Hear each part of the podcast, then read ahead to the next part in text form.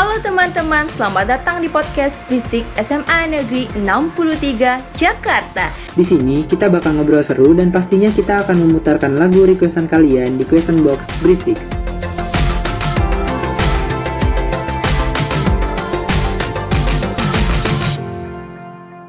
Halo Sobat Brisix, welcome to Brisix Podcast. Nah, akhirnya nih Brisix bisa bikin podcast nih.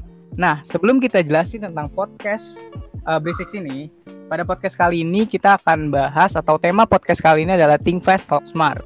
Nah, sebelumnya, sebelum kita tahu lebih lanjut nih tentang podcast Brisix ini, sebelumnya perkenalkan aku Faisal Ferry dan partner saya ada Nadia Salsabila bakal membantu podcast Berisik pada episode kali ini. Nah, mungkin Nadia bisa langsung jelasin nih, apa sih Berisik Podcast itu sebenarnya? Seperti yang tadi Kak udah bilang ya, kali ini juga Berisik itu pertama kali perdana banget bikin podcast. Berhubung ini yang pertama kali juga kita benar-benar di sini sama-sama try our best biar podcastnya ini juga seru dan kalian yang dengerin juga bisa dapat banyak ilmu yang sama-sama mungkin kita bisa terapin di lingkungan kita sehari-hari nih.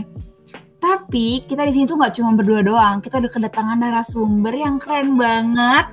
Klonya itu dia salah satu mantan ketua berisik, cantik banget. Langsung aja kali kita panggil ya. Ada Kak Sasa. Halo Nadia, halo Faisal. Halo Kak. Hai Kak.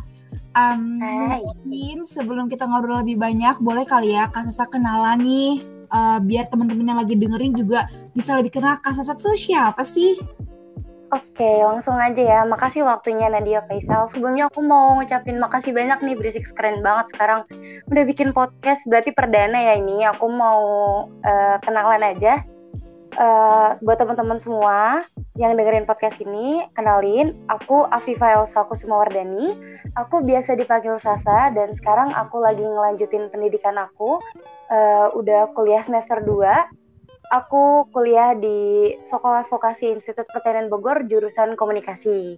Dan dulu aku pernah jadi ketua Basic periode tahun 2018-2019. Udah gitu aja mungkin. Wow, keren banget Kak Sasa. Berarti uh, Kak Sasa ini selama setahun juga kita sama-sama sekolah online ya, Kak? Bener banget, Nat. Kalau dari Kak sendiri, apalagi kan sekolah online ya, pasti diisinya Zoom, Zoom, atau misalkan pakai Microsoft Teams buat kuliah gitu. Di depan teman-teman baru nih Kak, cara kenalannya online gak pernah ketemu. Itu uh, gimana Kak Sasa cara ngebangun percaya diri?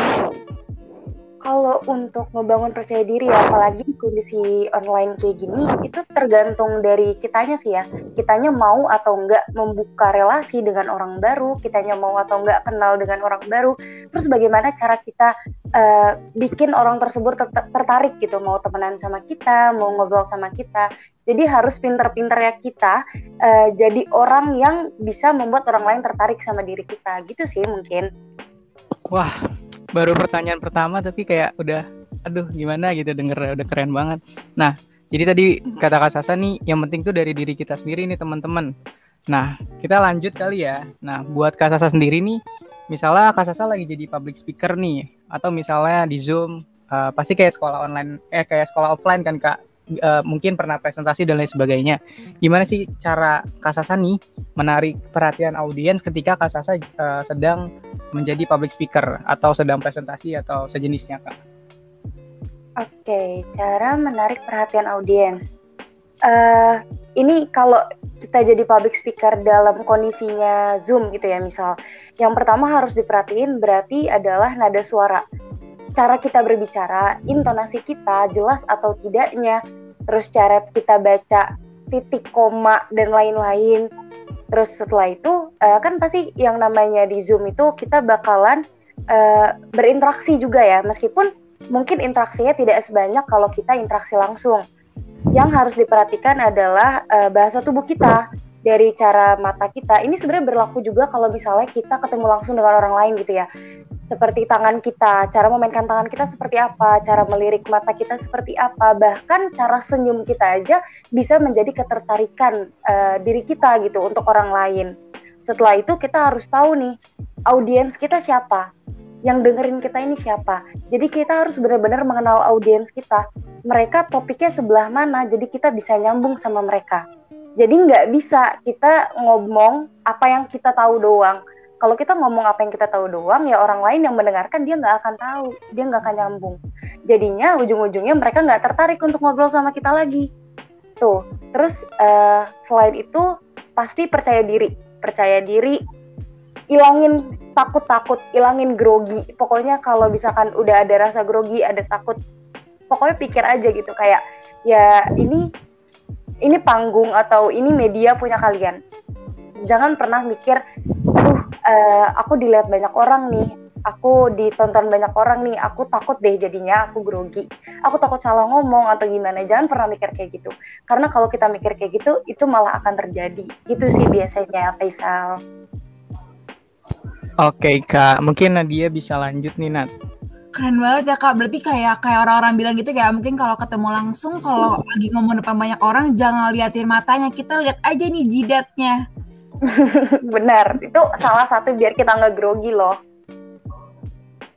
Kalau misalkan Kak Sasa mungkin dari SMA ya Kak, itu kan uh, udah mungkin udah pernah ikut kegiatan-kegiatan di luar sekolah yang berhubungan dengan public speaking ataupun setelah setahun kuliah Kak Sasa juga mengikuti kegiatan-kegiatan kayak gitu.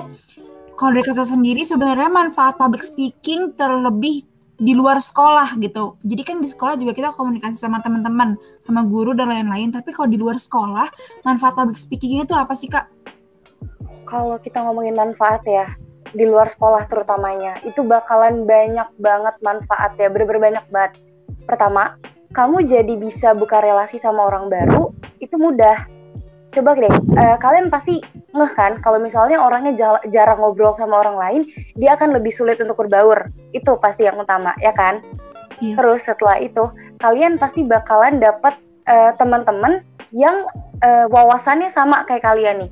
Karena tadi kita mengandalkan public speaking ya itu kita akan jadi lebih uh, dapat teman-teman yang sefrekuensi lebih mudah lebih mudah untuk uh, bergaul lagi lebih mudah untuk gimana kamu menghadapi orang lain di depannya, gimana cara mengerti emosi orang lain, dan masih banyak lagi selain itu. Mungkin untuk uh, yang dengar podcast ini mungkin masih teman-teman SMA ya. Tapi kalau uh, kalian sudah masuk kuliah nih, nanti di saat kalian masuk kuliah, kalian mau masuk organisasi seperti DPM atau BEM atau uh, ormawa-ormawa lainnya, kalian harus bikin CV dan di CV itu harus tercantum skill public speaking kalian setinggi apa gitu, sebesar apa. Sama aja setelah nanti kalian selesai kuliah pun, kalian harus mencari kerja, kalian akan membuat CV yang nanti di mana CV itu harus tercantum juga skill public speaking kalian setinggi apa. Jadi mulai teman-teman dari SMA itu harus belajar gimana cara kita menghadapi orang lain, menghadapi emosi orang lain juga. Jadi nanti di saat kita bertemu sama orang baru, kita udah tahu, oh dia sepertinya emosinya seperti ini. Jadi saya menghadapinya harus seperti ini. Itu pentingnya public speaking. Utamanya seperti itu untuk sama-sama mengerti antara satu orang dengan orang lainnya. Itu sih paling. Oke kak, jadi emang manfaat public speaking ini luas banget ya kak untuk sama-sama mengerti kita mengerti orang lain dan mungkin juga kita bisa membuat orang lain mengerti kita dengan public gaya public speaking kita. Nah, oke. Okay. Uh, eh, kalau kita terus-terusan pertanyaan kan mungkin agak bosen nih. Nah, kayaknya lebih baik kalau kita dengerin lagu dulu nih. Jadi kita bakal dengerin lagu, salah satu lagu yang relate banget. Ya bisa dikatakan relate sama figur Kasasa nih yang hebat gitu, hebat banget. Terus juga ada salah satu lirik lagunya yaitu seperti singa yang menerjang semua rintangan. Tapi Kasasa bukan singa sih. Ya, jadi ya oke. Okay. Jadi langsung aja kita dengerin lagu ini. Ada lagu terhebat dari CJR. Enjoy semua.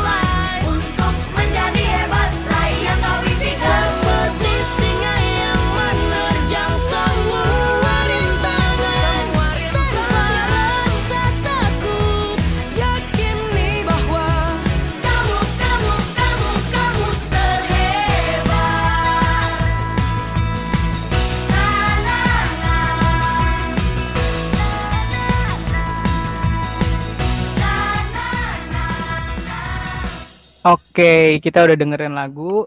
Ya ini judulnya terhebat dari CJR. Kita lanjut nih ngobrol-ngobrol sama Kak Sasanya. Nah, kalau Kak Sasa sendiri nih, ya walau Kak Sasa, aku yakin Kak Sasa nih wawasannya luas banget. Gimana sih Kak tips nih buat temen-temen, buat pendengar podcast ini yang mungkin ngerasa wawasannya agak kurang nih, tapi biar bisa komunikasi spontan gitu Kak. Karena kalau misalnya kita ngobrol sama orang kan mungkin kita nggak tahu nih orang lain bakal ngobrol apa ke kita, bakal nanya apa ke kita. Jadi kayak emang mungkin perlu wawasan yang luas nih kak. Terus gimana nih kak buat orang-orang yang mungkin kurang percaya wawasannya mungkin mereka mereka berpikir bahwa wawasan aku kurang nih gitu. Gimana sih kak cara biar kita tuh enak gitu komunikasi bisa spontan gitu kak? Oke, ini bagus pertanyaannya nih. Soalnya ini bisa jadi tips juga berarti cara komunikasi secara spontan ya berarti. Tapi kita nggak kita tahu gini kita wawasannya kurang. Pertama gini kalian harus fokus dengan apa yang dibicarakan oleh lawan bicara kalian. Dari awal dia berbicara sampai uh, kalian mulai kebingungan tuh kalian fokus aja dulu dengerin. Karena gini semua pembicaraan dari awal sampai akhir itu pasti nyambung. Kalian pasti akan ya udah ke situ lagi ke situ lagi ngobrolnya. Dan selain itu dalam komunikasi itu ada yang namanya umpan balik apa sih umpan balik ini? Jadi umpan balik ini adalah ketika kalian ditanya sama uh, lawan lawan bicara kalian atau ditanya sama audiens kalian, terus kalian nggak tahu jawabannya, kalian bingung. Terus abis itu kalian uh, mikir gimana ya cara jawabnya, tapi kalian nggak nemu juga gitu jawabannya. Itu kalian pakai umpan balik. Jadi umpan balik ini adalah kalian bertanya kembali kepada uh, si lawan bicara ini mengenai hal yang serupa. Hal yang serupa itu adalah hal yang berbeda tapi masih tipis-tipis gitu loh, ngerempet-ngerempet. Atau kalau misalnya kalian yakin, tanya aja, emang kayak gitu maksudnya apa? Kok kayak gini gitu. Jadi uh, dalam public speaking yang tadi ya, kalau misalnya kalian udah sama-sama tertarik, itu nggak akan ada namanya uh, orang untuk malu bertanya balik gitu. Itu nggak akan, karena kalau kita sudah sama-sama tertarik pasti kita akan sama-sama nyaman untuk sama-sama berbicara. Biasanya kayak gitu. Jadi harus beraniin diri aja kalau emang nggak tahu ya ngomong aja gitu. Uh, bukan lebih ngomong aja kayak aduh gue nggak tahu gitu. Aduh saya nggak tahu gitu. Enggak tapi ya tanya balik aja pakai cara umpan balik itu. Atau yang tadi kak saya bilang kalian bertanya tapi uh, pertanyaan pertanyaan yang berbeda tapi masih menyerempet dengan hal yang dibicarakan. Seperti itu Berarti gini ya kak, intinya kita beraniin diri sendiri gitu loh. Mungkin berarti ini konteksnya kita ngomongin tuh sama orang umum mungkin ya. Kalau sama teman sendiri kan nggak peduli gitu mau kita ngerti atau nggak yang dia bahas kan teman sendiri. Oke, iya, benar benar. Kayak sama teman sekolah yang baru kita ketemu gitu. Intinya beraniin diri. Ngomongin beraniin diri nih kak, menurut kakak uh, hubungan percaya diri sama ngomong banyak orang sama literasi dalam berkomunikasi itu menurut kakak penting banget nggak? Dan alasannya apa sih kak? Oh, an, uh, percaya diri sama literasi intinya itu ya penting nah. banget. Kenapa aku bilang penting banget? Gini, di saat kamu banyak membaca, di saat kamu uh, melakukan literasi gitu, kamu akan punya wawasan yang luas. Nah, di saat kamu punya wawasan yang luas, kamu akan lebih percaya diri dalam menghadapi seseorang gitu, atau bahkan di saat kamu jadi kamu menjadi seorang public speaker, apalagi di acara yang besar, itu sangat-sangat uh, apa ya? Bisa menjadi kunci utama gitu. Karena kasusnya nih, kalau kita lihat kasus yang pertama tadi tuh, misal kamu nggak tahu jawabannya, uh, oke okay, kalau misalnya oleh uh, ke teman deket atau ke teman yang udah lumayan kenal sama kita, kita bisa nanya balik. Tapi kan di saat kamu di saat kamu menjadi seorang public speaker di acara besar, kamu kan gak bisa kayak gitu, ya kan? Makanya hmm. kita harus banyak-banyak literasi biar kita bisa percaya diri kalau kita percaya diri, nanti komunikasi yang kita lakukan menjadi efektif dan lancar. Seperti itu. Oke kak, nah tadi kan kita ini banyak banget nih ngomongin tentang percaya diri, percaya diri, percaya diri. Nah, ada nggak sih kak cara yang paling ampuh nih kak untuk eh, orang-orang yang mungkin merasa minder atau kurang percaya diri dan mungkin sedikit takut untuk bicara di depan orang. Ada nggak sih kak caranya atau tipsnya nih supaya kita tuh uh, percaya diri dan nggak takut gitu kak untuk ngadepin pembicaraan orang lain? Oke, mungkin dari yang umum dulu ya. Uh, orang-orang umum melakukan di saat mereka grogi atau mereka takut untuk berbicara ke orang lain, menjadi public speaker. ya mereka akan uh, meyakini diri mereka gitu karena gini kalau kita yakin sama diri kita orang lain juga pasti akan yakin mendengarkannya gitu kita percaya sama diri kita orang lain juga pasti akan percaya gitu. Kalau aku sendiri buat uh, cara gitu biar nggak takut aku nggak tahu sih ya ini mungkin terjadi di beberapa orang juga. Aku itu suka banget dulu ngomong sama diri aku sendiri di depan kaca kayak gitu. Aku ngelatih cara aku berbicara karena aku nggak mau nanti di saat aku ngobrol sama orang aku ngomongnya ae ae ae gitu. Nggak tahu jawabannya apa. Aku ngomong kayak gitu jadi aku banyak banget ngomong di kaca jadi kayak jatuhnya ngomong sendiri dan itu uh, mungkin terjadinya di beberapa orang bukan di aku doang selain itu kalian yang mau menjadi public speaker kalian harus menemukan titik nyamannya kalian masing-masing di mana nih uh, tingkat grogi kalian tuh bakalan sampai mana sih dan tingkat percaya, percaya diri kalian sampai mana gitu. Kalau kalian merasa tingkat percaya diri kalian lebih besar, kalian nggak perlu khawatir. Yang dikhawatirkan adalah jika tingkat grogi atau ketakutan kalian lebih besar. Makanya uh, itu balik lagi yang pertama harus yakin, hilangin rasa takut dan mulai belajar uh, menjadi public speaker tanpa menggunakan catatan atau contekan. Kayak gitu. Wah ya nih kak, sama nih kak. Kalau aku sih bukan di kaca. Kalau aku mungkin kadang suka aku rekam atau aku misalnya ketika aku emang harus speech di depan orang banyak aku biasanya satu hari sebelumnya atau beberapa jam sebelumnya aku suka keluar nih kak suka ngomong aja di motor ngelantur gitu ngomongin yang bakal aku ngomongin apa nih jadi kayak itu udah ulang-ulang jadi aku bakal keinget sendiri gitu tanpa catatan kak. Wah keren banget emang kak Sasa. Mungkin Nadia bisa dilanjut nih. Itu kan tadi kita udah ngomongin cara tips ampuh ya kak. Tapi uh, kalau aku sih pribadi pernah ya blank tiba-tiba ngomong di depan banyak orang gitu. Mungkin kak Sasa juga pernah kayak ngomong tiba-tiba blank lupa materi apa yang mau diomongin. Salah satu grogi apa efek dari grogi juga ya kak. Kalau dari kak Sasa sendiri tips bener-bener dari kasasa kasasa banget gitu siapa tahu teman-teman juga bisa nerapin hal yang sama cara ngendaliin grogi blank tiba-tiba depan banyak orang apalagi buat first timer nih orang-orang yang mau belajar speak speaker jadi public speaker depan banyak orang tips dari kasasa gimana? Oke, okay. kalau misalnya kita udah dihadapkan dengan kondisi bener-bener langsung gitu ya, tiba-tiba yeah. blank aja gitu. Oke, okay. uh, eh, gini sih kalau aku di saat aku ngeblank, di saat aku ngeblank pas aku lagi menjadi seorang public speaker, biasanya aku akan uh, melempar melempar apa ya? Mungkin gini deh, kalau kita presentasi nih, terus aku ngeblank, aku bakal melempar ke teman aku kayak, eh uh, kalau ini gimana menurut kamu gitu. Terus atau uh, kalau kita lagi berbicara dengan audiens gitu, kan kadang kita dihadapin sama pertanyaan audiens yang kita nggak tahu jawabannya nih. Misalkan ada orang nanya ke kita kita nggak tahu jawabannya. Aku bakal ngelempar ke audiens lain. Mungkin teman-teman di sini ada yang tahu jawabannya. Mungkin teman-teman di sini ada yang udah pernah ngalamin. Coba ayo boleh kita ngomong sama-sama kita diskusi sama-sama kita selesaikan masalahnya sama-sama gitu.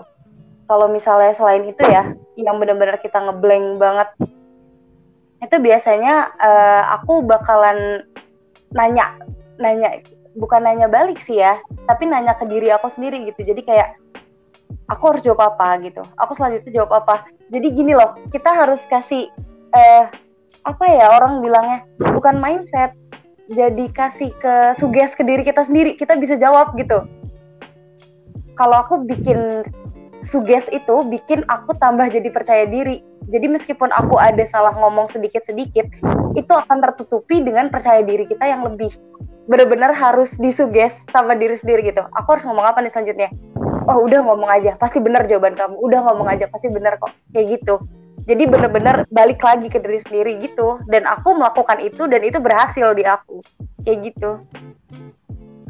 Keren banget. Semoga teman-teman yang denger ini juga berhasil deh teman-teman. Jadi ya jangan takut. Semuanya juga kalau misalnya pas kita lagi jadi public speaker juga yang itu juga nggak bakal anggap kita salah ya kak Ya, benar. Dan kita menjadi public speaker juga bukan berarti kita 100% harus tahu jawabannya gitu loh. Jadi yang penting banget spontan, percaya diri, pede aja, nggak usah takut. takut ya kapan kita bisa mulainya. Yep.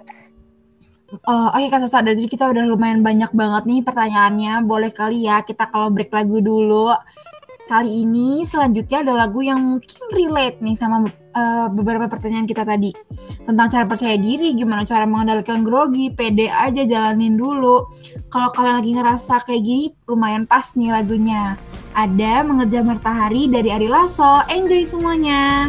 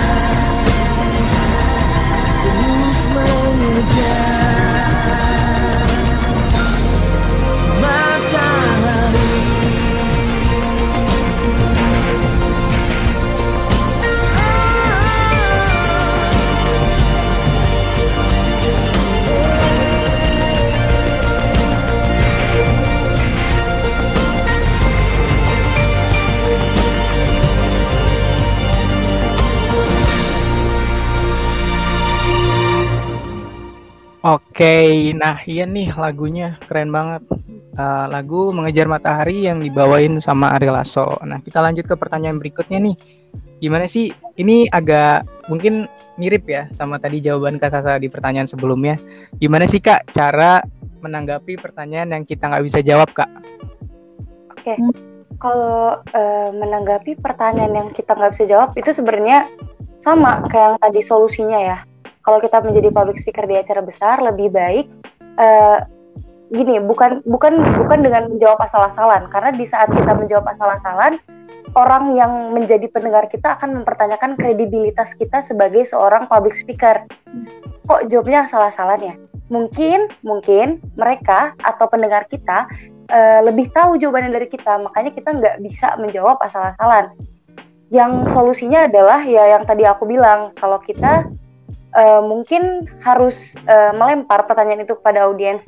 Teman-teman ada yang tahu nggak gitu jawabannya? Mungkin kita bisa menjadi uh, apa ya sarana atau saat itu bisa menjadi sarana diskusi terbuka antara kita sebagai public speaker dengan audiens-audiens kita kayak gitu dan kita juga harus bisa uh, kontrol ini sih kontrol dari audiensnya itu tersebut gitu. Jadi kalau misalnya mereka pertanyaannya udah uh, keluar dari bahasan yang kita bahas gitu atau yang menjadi topik itu sebaiknya dikembalikan lagi ke topiknya gitu. Karena mungkin kan kadang public speaker nih kita materinya tentang ini gitu. Terus ya udah kita pelajarin materi itu kita belajar tentang materi itu. Terus nanti di saat ada yang bertanya mengenai materi yang lain kita akan kebingungan. Nah tapi masalahnya kita bisa atau enggak mengendalikan itu nah terus teman-teman di sini semua pasti tahu kan kalau misalnya kita uh, berbicara dengan orang lain nggak uh, nggak semua orang lain bisa menerima jawaban kita nah di saat kita benar-benar bingung kita juga boleh jujur gitu kayak misalnya uh, bilang nggak tahu aja jawabannya, tapi diselingi dengan humor-humor biasanya. Karena kalau kita dengan humor itu orang lain akan lebih kayak oh bercanda gitu loh. Terus abis itu kita juga bisa uh, nunjukin mungkin kayak mungkin kita udah pernah baca buku gitu. Terus kita nunjukin, coba deh uh, kita kasih saran nih kasih tips, coba deh baca buku ini. Itu kayaknya pernah dibahas loh di buku ini atau coba deh kalian buka website ini gitu itu bisa menjadi jawaban. Jadi kita nggak harus menjawab pertanyaan itu, tapi kita bisa mengarahkan seperti itu. Kak, jujur Kak Sasa keren banget. Aku belum mungkin uh, aku ngerasa banyak banget yang bisa diambil dari tadi Kak Sasa ngomong banyak hal penting banget tips buat kehidupan sehari-hari apalagi komunikasi. Kayak tapi aku mau nanya Kak, sebenarnya Kak Sasa udah kuliah nih setahun jurusan vokasi. Itu pelajaran-pelajaran apa sih Kak yang dipelajari di ilmu komunikasi. Mungkin teman-teman yang emang niatan pengen masuk ilmu komunikasi juga pengen tahu nih sebenarnya vokasi itu kayak gimana sih? Oke, berarti ini tentang vokasi dan komunikasi. Iya. Uh, mungkin gini ya, aku ngejelasin vokasinya sedikit dulu. Vokasi itu jauh berbeda dengan S1 gitu atau uh, pendidikan pada umumnya. Karena vokasi itu kalian bisa 70% praktek. Jadi kalian benar-benar abis belajar nih teorinya dipraktekin, dipraktekin, harus kayak gitu. Eh, dan itu yang kenapa bisa anak-anak vokasi itu lebih siap kerja dibanding anak-anak yang S1. Ya tidak menutup kemungkinan mungkin S1 akan uh, mudah mendapat pekerjaan juga, tapi anak-anak vokasi akan lebih siap untuk menghadapi dunia pekerjaan. Karena kita pas belajar itu setelah teori ya harus praktek dan begitu seterusnya. Dan kalau apa yang aku pelajari selama aku menjadi mahasiswi di ilmu komunikasi ya, sebenarnya ini banyak banget karena komunikasi itu bukan hanya berbicara antara dua orang atau lebih, bukan hanya ilmu-ilmu yang uh, meng, uh, apa terkait dengan pembicaraan atau lain-lain, cuma tips-tips enggak gitu. Komunikasi itu banyak banget dari segala aspek. Bagaimana cara kita menghadapi orang lain, uh, itu bisa menjadi salah satu aspek komunikasi efektif. Terus uh, selain itu juga kita banyak-banyak belajar seperti uh, aspek-aspek lainnya di diri kita, di pribadi kita gitu. Karena kan kita otomatis adalah pekerja yang akan nanti berhadapan langsung sama orang gitu ya. Tidak tidak tidak menutup kemungkinan seperti itu. Kita belajar yang namanya etika kepribadian di ilmu komunikasi pasti dipelajari. Karena di saat kita berbicara dengan orang lain, kita juga harus memakai etika kita itu. Terus selain itu juga eh, aspek-aspek uh, lain itu seperti uh, bagaimana teknik-teknik kita dalam membuat podcast. Aku juga pernah bikin podcast di Anchor juga kayak gini. Dan uh, bagaimana teknik kita berwawancara seperti itu. Terus di aspek lain kita juga belajar nih komunikasi-komunikasi yang nggak cuma seputar pembicaraan doang gitu. Kayak aku nih di semester ini aku lagi belajar yang namanya komunikasi antar budaya di mana nanti komunikasi itu adalah menghubungkan budaya-budaya atau menghubungkan aspek-aspek budaya dan itu banyak banget macamnya. Jadi komunikasi itu ya kalau kalian pikir cuma ah berbicara berbicara berbicara enggak salah banget. Komunikasi itu aspeknya luas banget di seluruh dunia ini. Hal dan kunci utama dalam sebuah relasi adalah komunikasi. Jadi mengapa komunikasi itu memiliki banyak aspek? Karena semuanya dibahas di dalamnya kayak gitu. Oke, keren banget nih Kak. Jadi emang komunikasi ini bukan sekedar ngomong aja ya Kak, bukan sekedar komunikasi dua orang dan lain sebagainya, tapi tentang bahkan tadi sampai ngebahas komunikasi antar dua budaya dan lain sebagainya. Mungkin ke depannya Kak Sasa masih uh, bakalan banyak banget mungkin ya belajar tentang komunikasi yang mungkin kita juga nggak tahu nih sebenarnya komunikasi itu lingkupnya seluas apa lagi. Nah, untuk selanjutnya nih Kak, Kak Sasa kan tadi juga udah disebut nih bahwa Kak Sasa ini pernah jadi Ketua Berisik periode 2018-2019. Nah, ada nggak sih Kak, ya aku sih harapnya ada gitu, ada nggak sih Kak manfaat yang Kak dapat ini dari ekskul Berisik atau ekskul broadcasting ini? Waduh, manfaat. Ih ini mah banyak banget. Ini nih kalian kalian kalian bisa jadi promo juga nih nanti buat adik kelas ya. Serius deh. Uh, gabung di Brisix broadcastingnya. Dulu waktu aku gabung kalau kalian tahu ya. Mungkin kalian nggak tahu sih karena emang nggak kelihatan banget gitu. Dulu waktu kali pertama aku gabung di Brisix Brisix itu belum kebentuk belum punya nama Brisix kayak sekarang. Itu nggak ada. Dulu namanya Broadcasting 63 bener-bener cuma kayak gitu. Dan uh, dulu tuh belum punya susunan panitia kayak ketua wakil sekre anggota-anggotanya uh, bidang-bidangnya. Dulu nggak ada gitu. Dan setelah aku masuk uh, jalan beberapa bulan baru aku bikin kayak kayaknya kita harus bikin susunan deh kita harus uh, bikin uh, apa namanya nama baru gitu. Dan nama Brisix ini dulu yang bikin itu uh, si Farel. Kalian kenal pasti Farel? Kak kelasnya Faisal ya? Berarti kak kelasnya Dinda. Iya kak. Itu iya Farel itu yang ya. bikin. Iya nah aku sama dia juga yang kebetulan waktu itu dia menjadi PJ itu bikin susunan kepanitiaan gitu. Dengan uh, ketua aku wakilnya ada angkatan aku juga Rosyad namanya cowok dan ke bawahnya seterusnya kayak gitu.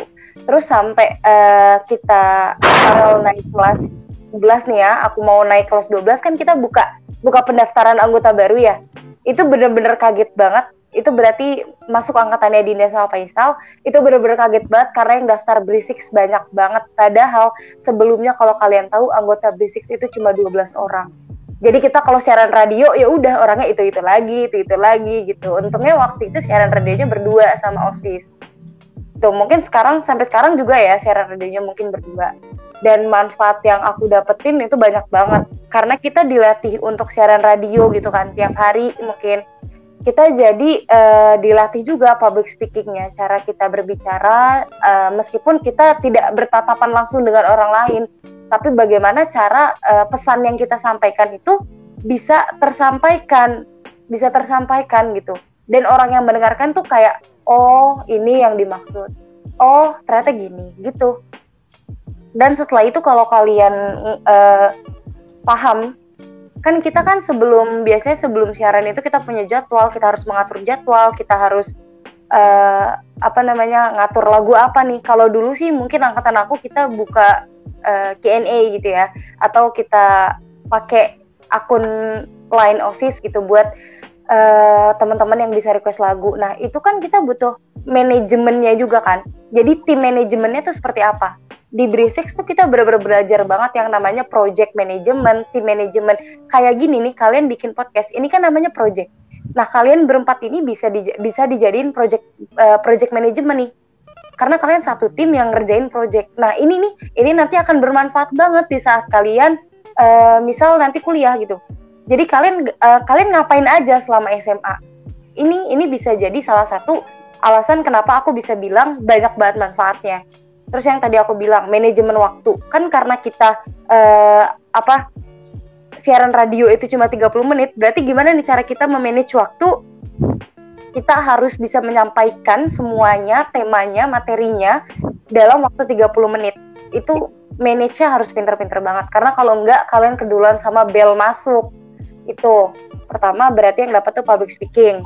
Terus uh, tim manajemen udah pasti. Karena kan kalian sekarang untungnya punya susunan ya. Punya susunan uh, panitianya, susunan staffnya, dan BPH-nya gitu. Terus uh, selain itu project management seperti kalian mengerjakan eh, hal-hal kayak podcast gini. Atau misal kalian punya proker-proker lain nih nanti di Brisix itu namanya project management dan itu penting banget. Terus selain itu karena kita di sini belajar uh, public speaking juga berarti di sini kita belajar leadership juga. Karena leadership juga itu uh, salah satu yang terpenting juga public speaking tersebut gitu. Mungkin teman-teman di sini nih yang kelas 10 kan nanti pas naik kelas 11 mungkin jabatannya ada yang bisa menjadi ketua berisik selanjutnya kan gak ada yang tahu. Itu nanti kita belajar yang namanya leadership di situ. Kalau aku ya apalagi aku yang kepilih waktu itu menjadi ketua berisik aku benar belajar banget yang namanya leadership. Gimana cara ngatur anggota-anggota aku biar mereka nyaman di berisik biar mereka tetap ngejalanin segala tanggung jawab mereka dengan mereka tetap semangat gitu. Nggak ngeluh nggak bosan. Mungkin emang sulit tapi kalau emang kitanya uh, bisa dan yakin itu pasti kejalanin kok. Gitu sih paling aku. Nah, ya tuh teman-teman, Kak Sasa juga ngejelasin tentang ya bisa dikatakan sejarah Brisix lah ya. Kak Sasa yang mulai ngebangun Brisix yang mungkin baru sekedar nama belum banyak yang jadi anggota terus dilanjutkan oleh ketua selanjutnya ketua 2019-2020 Kak Igusti Putu Farel Aditya Kusuma. Dan sampai sekarang dilanjutin sama ketua kita yakni Dinda Nur Syafitri. Nah, keren banget nih emang. Dan tadi bener banget kata Kak Sasa, kalau pengalaman aku siaran itu dalam setengah jam tuh kita harus bener-bener ngatur time manajemennya. Karena kita siaran pun kita nggak mungkin tempat persiapan. Kita harus nyiapin lagunya, susunan lagunya, terus juga pasti kita juga tiap siaran tuh ada materi yang bakal kita bawain. Paling nggak sekitar satu atau dua materi dan lain-lain. Jadi banyak banget sih kalau dari aku juga yang sudah uh, join Brisix. Nah, jadi buat teman-teman semua yang dengerin podcast ini, jangan lupa untuk join Brisix di tahun ajaran selanjutnya dan jangan lupa juga ajak teman-temannya buat join Brisix. Jadi Brisix ini terbuka untuk siapa aja. Nanti kita di dalam Brisix kita bakalan sama-sama belajar, bakalan sama-sama diskusi, bakalan sama-sama ngedukung gimana caranya kita bisa uh, fokus di Brisix ini gimana caranya kita bisa public speaking dengan baik dan lain sebagainya. Oke. Okay. Mungkin ya mungkin kita udah sampai di penghujung acara nih. Gak berasa banget di penghujung podcast ini. Cepet banget kayaknya ya. Nah, sebelum aku mengakhiri podcast ini, aku dan partner aku Nadia mau ngucapin Terima kasih banyak kepada Kak Viva Elsa Kusuma Wardani yang sudah bersedia menjadi narasumber kita pada podcast kali ini. Nah, buat Kak Sasa ada nggak nih pesan-pesan dan ya uh, khususnya pesan dan kesan Kak Sasa uh, untuk teman-teman di luar sana Kak? Pesan dan kesan ya, kalau kita sesuai tema uh, public speaking hari ini uh, pokoknya jangan jangan capek, jangan pernah bosan untuk belajar, belajar apa pun itu ya, termasuk public speaking. Jangan pernah bosan untuk membaca juga karena itu akan menambah wawasan kita dan jangan pernah uh, bosan dan capek untuk membuka relasi dengan orang lain karena itu akan bermanfaat untuk kita ke depannya. Itu aja sih paling Sal. Oke Kak. Selanjutnya Nadia mungkin ada yang ingin disampaikan lagi? Uh, aku mau nambahin dikit. Mungkin buat teman-teman tadi ngomongin esko broadcasting ya kak, buat teman-teman yang mungkin cuma dengerin lewat uh, podcast ini, teman-teman harus tahu esko Brisix itu juga seru banget, kalaupun cuma online doang. Tetap juga banyak pelajaran yang didapat. Jadi ya mungkin kalau offline serunya di radionya siaran radionya. Cuman online gini juga seru kok. Jadi teman-teman yang belum masuk eskul B6 boleh langsung masuk eskul ya Uh, oh ya, Kak Sasa, tadi Kak Sasa kan udah sempet nyebutin nih, Kak Sasa juga pernah bikin podcast pakai Anchor gitu. Boleh kali Kak di spill podcast siapa? Siapa tahu teman-teman yang lain juga pengen dengerin nih banyak banget ilmunya mungkin yang bisa didengerin. Um, aku sebenarnya tuh bingung ya kalau mau ngepost podcast ini untuk publik karena waktu itu emang untuk kebutuhan tugas dan itu pun uh, aku dapat temanya tuh uh, untung-untungan gitu. Kayak ibaratnya dikocok sama dosen aku aku dapat tema pariwisata yang aku sama sekali nggak tahu. Dan podcast itu emang dipublish cuma untuk dosen aku. Cuma mungkin nanti aku cari-cari lagi. Aku karena udah uninstall Anchor ya tadi aku juga bilang sama Faisal ya karena udah nggak butuh aku uninstall gitu. Aku udah lupa podcast aku eh, namanya apa waktu itu karena itu aku kerjain waktu semester 1 dan aku juga nggak post di Spotify jadi aku cuma post di uh, aplikasi Anchor-nya gitu. Mungkin nanti aku cari-cari lagi deh. Mungkin ya berarti teman-teman nanti ditungguin nih. Aku juga sih terutama aku aku juga pengen tahu banget. Siapa tahu juga banyak banget ilmu yang bisa aku dapat. Um, mungkin dari aku aku bilang makasih lagi buat Kak Sasa di tengah kepadatan tugas-tugas. Kak Sasa apalagi mungkin ada persiapan buat ujian buat UAS Kak Sasa udah mau uas, udah nyempetin waktu buat kita. Keren banget sih Kak Sasa. Belum pernah iya, apalagi aku udah kayak bisa ngebayangin oh Kak Sasa tuh keren banget orangnya. Apalagi kalau kita bisa interaksi langsung pasti seru banget. Iya, Kak Sasa ini juga organisasinya banyak banget nih kalau misalnya kita lihat di SG-nya nih kayak ada aja gitu postingannya gitu tentang organisasi. Ini keren banget emang Kak Sasa nih. Iya, iya bener banget. Emang pengen memperbanyak relasi itu karena aku suka public speaking aku lebih memilih untuk ya udah aku ikut organisasi. Jadi nanti pas aku keluar kuliah output aku bukan cuma nilai bukan cuma sekedar IPK tapi aku punya soft skill. Public speaking relasi manajemen dan bagaimana cara aku menghadapi orang lain. Kayak gitu sih makanya penting banget nanti buat buat Faisal buat Dinda yang udah mau masuk kuliah pasti kan nanti harus siap-siap dunia kuliahan kalian harus bisa uh, berbaur sama orang lain makanya ikut organisasi nggak apa-apa capek tuh nggak apa-apa gitu loh Oke. Okay. Aku aku tertarik banget uh, sedikit aja ini agak melenceng sama topik kita sih tapi aku tertarik banget sama bio kakak yang ada Quarterians Ambassador. Sebenarnya Quarterians tuh ngapain sih kak? Itu bisa kita ikutin nggak sama teman-teman SMA atau cuman buat teman-teman kuliah atau umum?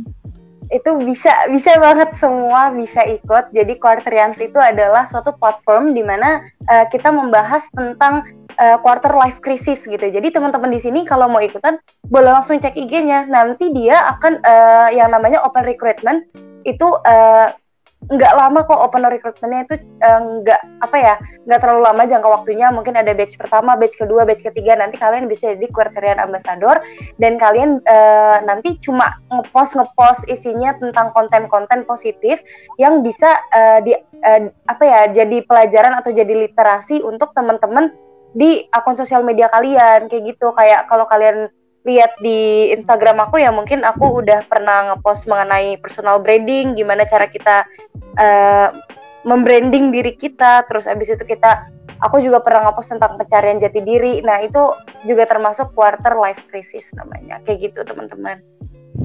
Oke jadi Kak Sasan emang udah luas banget nih lingkup organisasinya oke? Mungkin untuk Podcast kali ini cukup sampai di sini aja. Buat sobat berisik semua, juga terima kasih sudah mendengarkan podcast ini sampai akhir. Sekali lagi terima kasih untuk Kak Afifah Elsa Kusuma Wardani. Semoga podcast hari ini bermanfaat dan jangan pernah takut untuk berbicara dengan orang lain di depan umum. Lakukanlah dan kau akan dapatkan yang kau inginkan. Terima kasih, jaga kesehatan dan sampai jumpa di lain waktu. Terima kasih sudah mendengarkan podcast kita hari ini. Sampai jumpa di podcast selanjutnya. Jangan lupa untuk isi lagu favorit kalian di question box Instagram Berisik.